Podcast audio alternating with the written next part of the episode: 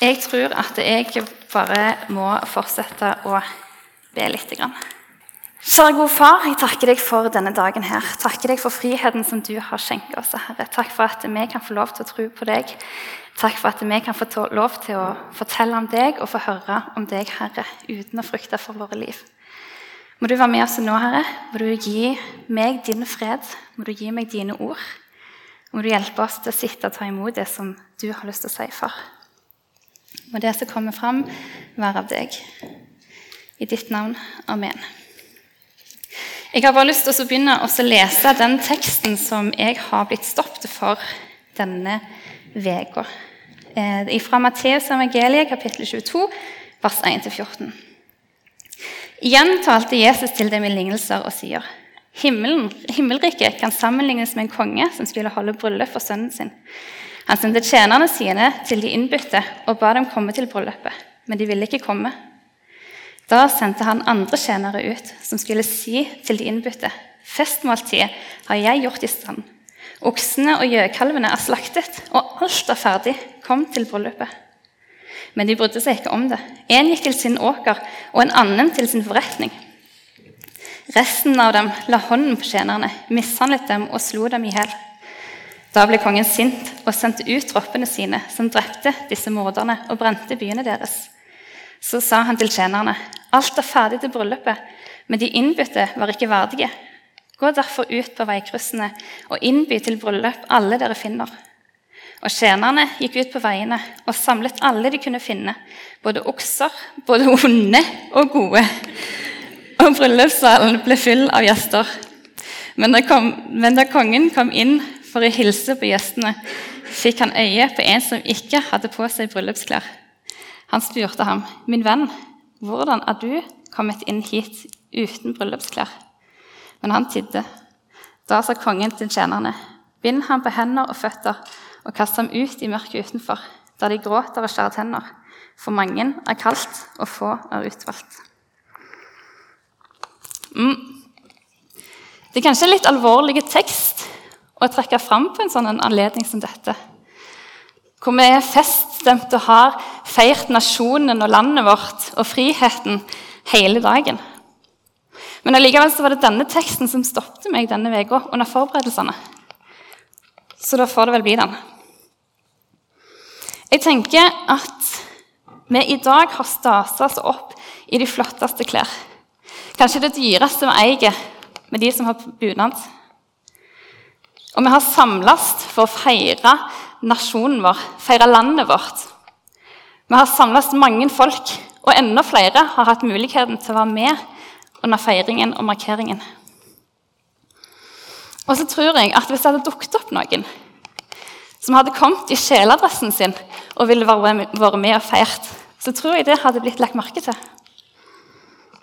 Kanskje ikke, kanskje ikke akkurat her i Stavanger, for her er jo folk i all slags kostymer og drakter når de går i folketoget. Men hjemme på Gilja, i heimbygda mi, der vet jeg iallfall at det hadde blitt lagt merke til om noen hadde kommet rett ifra fjosen for å være med i toget. Det er fordi at det ligger, det ligger en kultur, det ligger normer og regler nedfelt i kulturen vår, i samfunnet vårt, som sier noe om hvordan vi skal kle oss. Det sier noe om hva som er greit, og hva som ikke er greit, hva som er innafor, og hva som ikke er innafor. Men altså, uansett I denne lignelsen så møter vi altså en konge som inviterer til bryllup.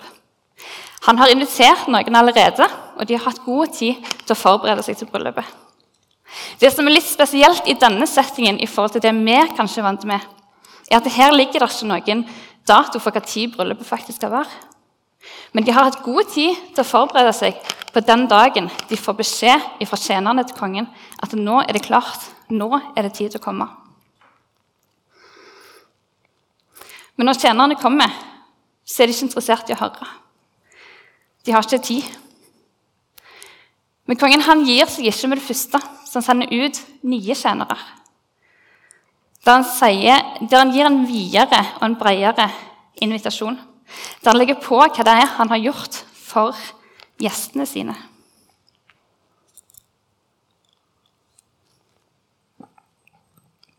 Han sier at jeg har ført i stand et festmåltid.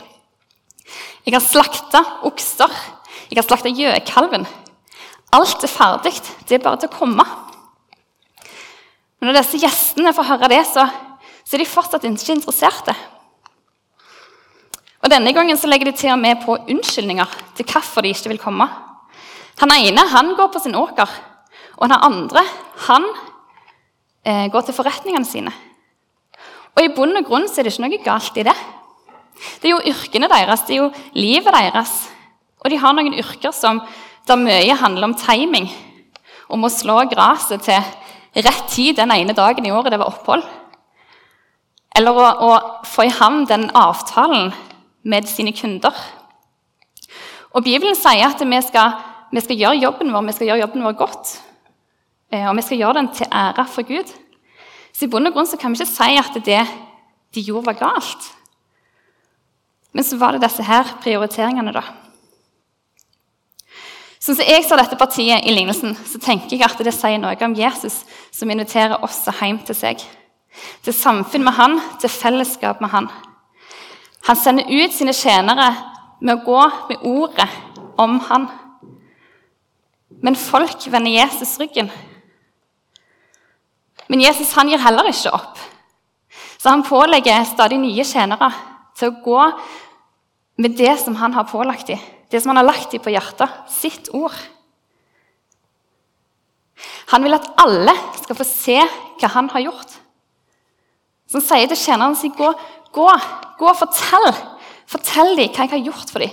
Fortell hva jeg har gjort for hver enkelt av dem. Og fortell dem hva som venter dem. Men folk takker allikevel nei. Folk vender ryggen. Folk vender seg vekk ifra Jesus.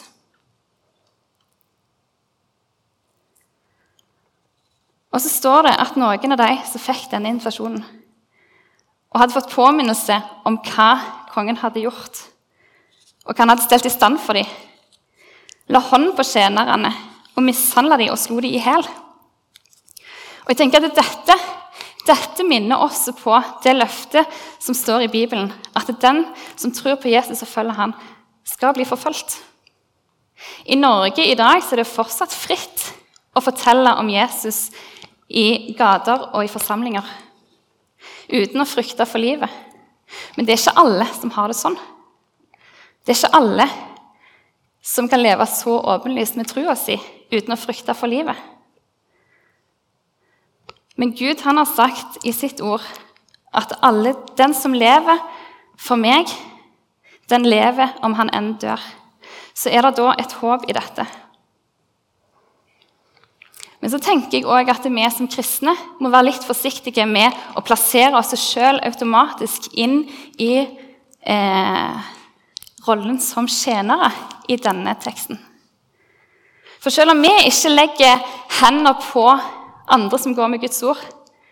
Selv om vi ikke slår eller mishandler eller, eller slår i hjel, så tror jeg allikevel at vi kan sitte i posisjoner av og til der ordenes makt gjør at vi kan mishandle og slå i hjel Guds sendebud eh, psykisk. Kanskje vi Kanskje vi kritiserer det som blir sagt eller det som blir gjort, på bakgrunn av personlighetstyper eller ulike eh, oppfatninger eller opplevelser.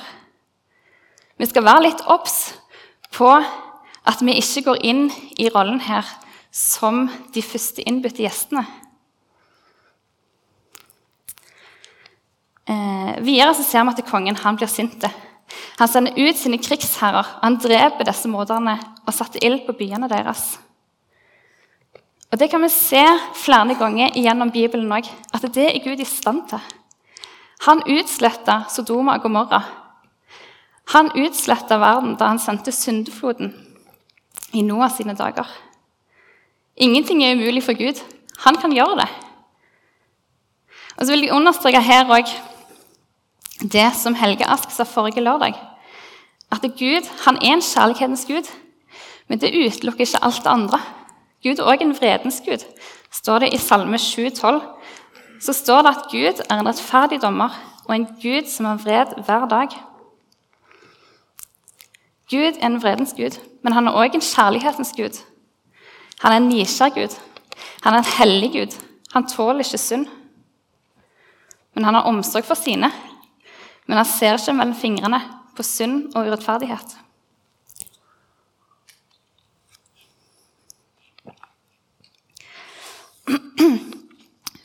Og så går denne kongen videre. Han legger ikke ned mer arbeid i de som ikke har lyst til å komme til bryllupsfesten hans. Da ønsker han heller noen som ser verdien i det som han har gjort, og det som han har å tilby. Han sender tjenerne ut på, i veikrysser og i gater og ber, de, ber til bryllup alle de de møter på. Både vonde og gode. Både folk ifra fjern og folk ifra nær. Og så ser vi her at, det, at Gud han velger ikke ut den type mennesker eller den type mennesker. Men det er alle som får invitasjonen. Både folk som har travelt, som er på gjennomreise, som har nok av tid til å finne på, men som allikevel setter av tid til bryllup. Og de som ikke har så mye å gjøre på, men ønsker å være med i bryllupsfest. Og bryllupslokalene blir fulgt opp av gjester. Men så kommer kongen inn for å sjøl se til tjenerne sine. Og så ser han noe så det ikke kommer fram av teksten at de andre har lagt merke til. Verken tjenerne eller de andre gjestene. Men han ser en av gjestene som ikke har gjort de forberedelsene som trengs for å komme til bryllupet. Han går i sjeladressen mens de andre de har tatt på seg bunaden, festdrakten, nådesdrakten. Og så ser vi at denne gjesten, som ikke hadde de rette klærne på, han blir bundet fast både på hender og på føtter. og Han blir satt utenfor i mørket fordi han hadde feil kledning. Men hva betyr det, da? Hva betyr det å ha den rette kledningen? Hva kunne denne gjesten ha gjort annerledes hvis det gjelder oss og det å komme til himmelen, skal vi gjøre noe da?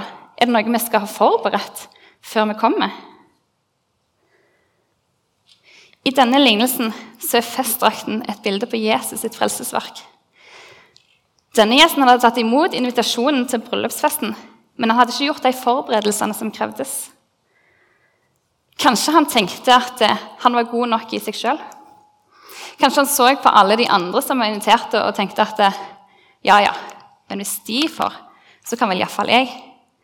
For jeg vet jo at, at jeg egentlig får det ganske greit til. Jeg vet at jeg har mine svin på skogen, men hvem har vel ikke det?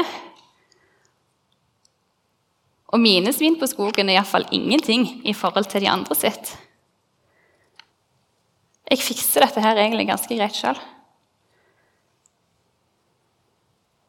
Men i Romerne 3,23 så står det for alle har synda og mangler Guds herlighet. Vi er likestilte, alle sammen.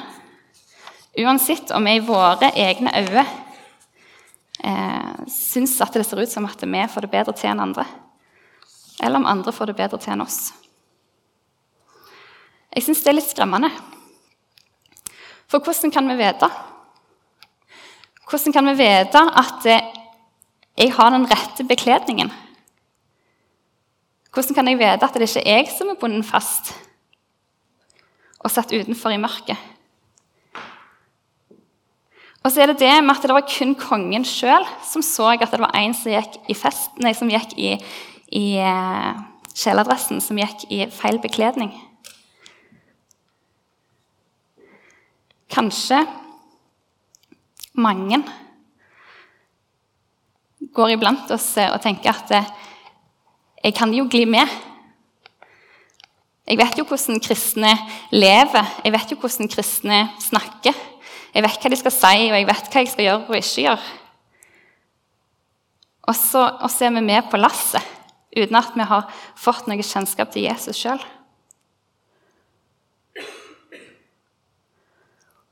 Men Jesus han sier i Johannes 14, 14,6.: Jeg er veien, sannheten og livet. Ingen kommer til Faderen uten med meg. Det går gjennom Jesus. Bedraget vil en dag bli oppdaga. Om det ikke vil det her på jorda, så vil det det den dagen det virkelig gjelder. Så hva er clouet? Clouet er det som vi starta med.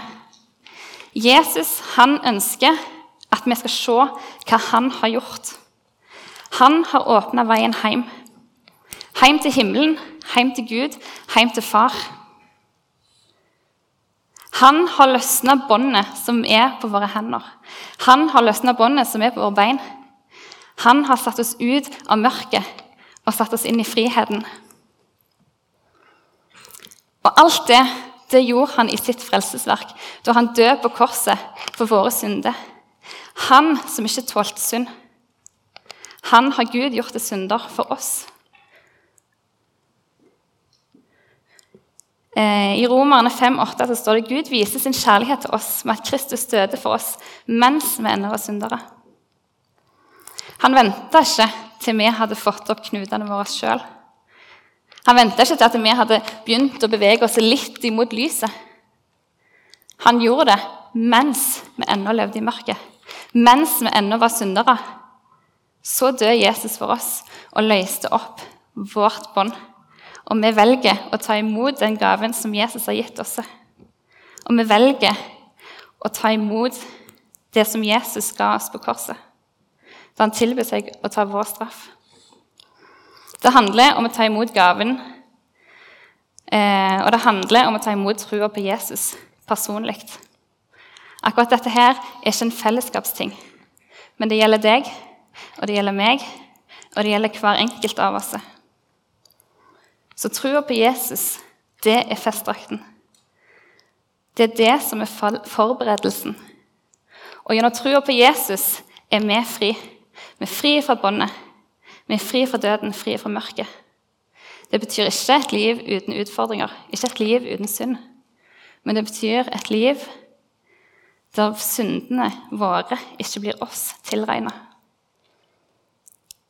Det er et liv i evigheten, et liv i Jesus, Jesus som er kongen. Han som er friheten, frihetens konge, vår festdrakt. Og så er det da ingen fordømmelse for de som er i Jesus Kristus. Far, jeg takker deg for det som du har gjort. Jeg takker deg for at vi kan få lov til å stå her fri. Takk for at vi kan få lov til å komme hjem til himmelen, hjem til deg, for det som du har gjort. Det sier ingenting om oss. Det sier ingenting om hvor gode vi er, eller hvor verdige vi er. Men det sier alt om deg, far.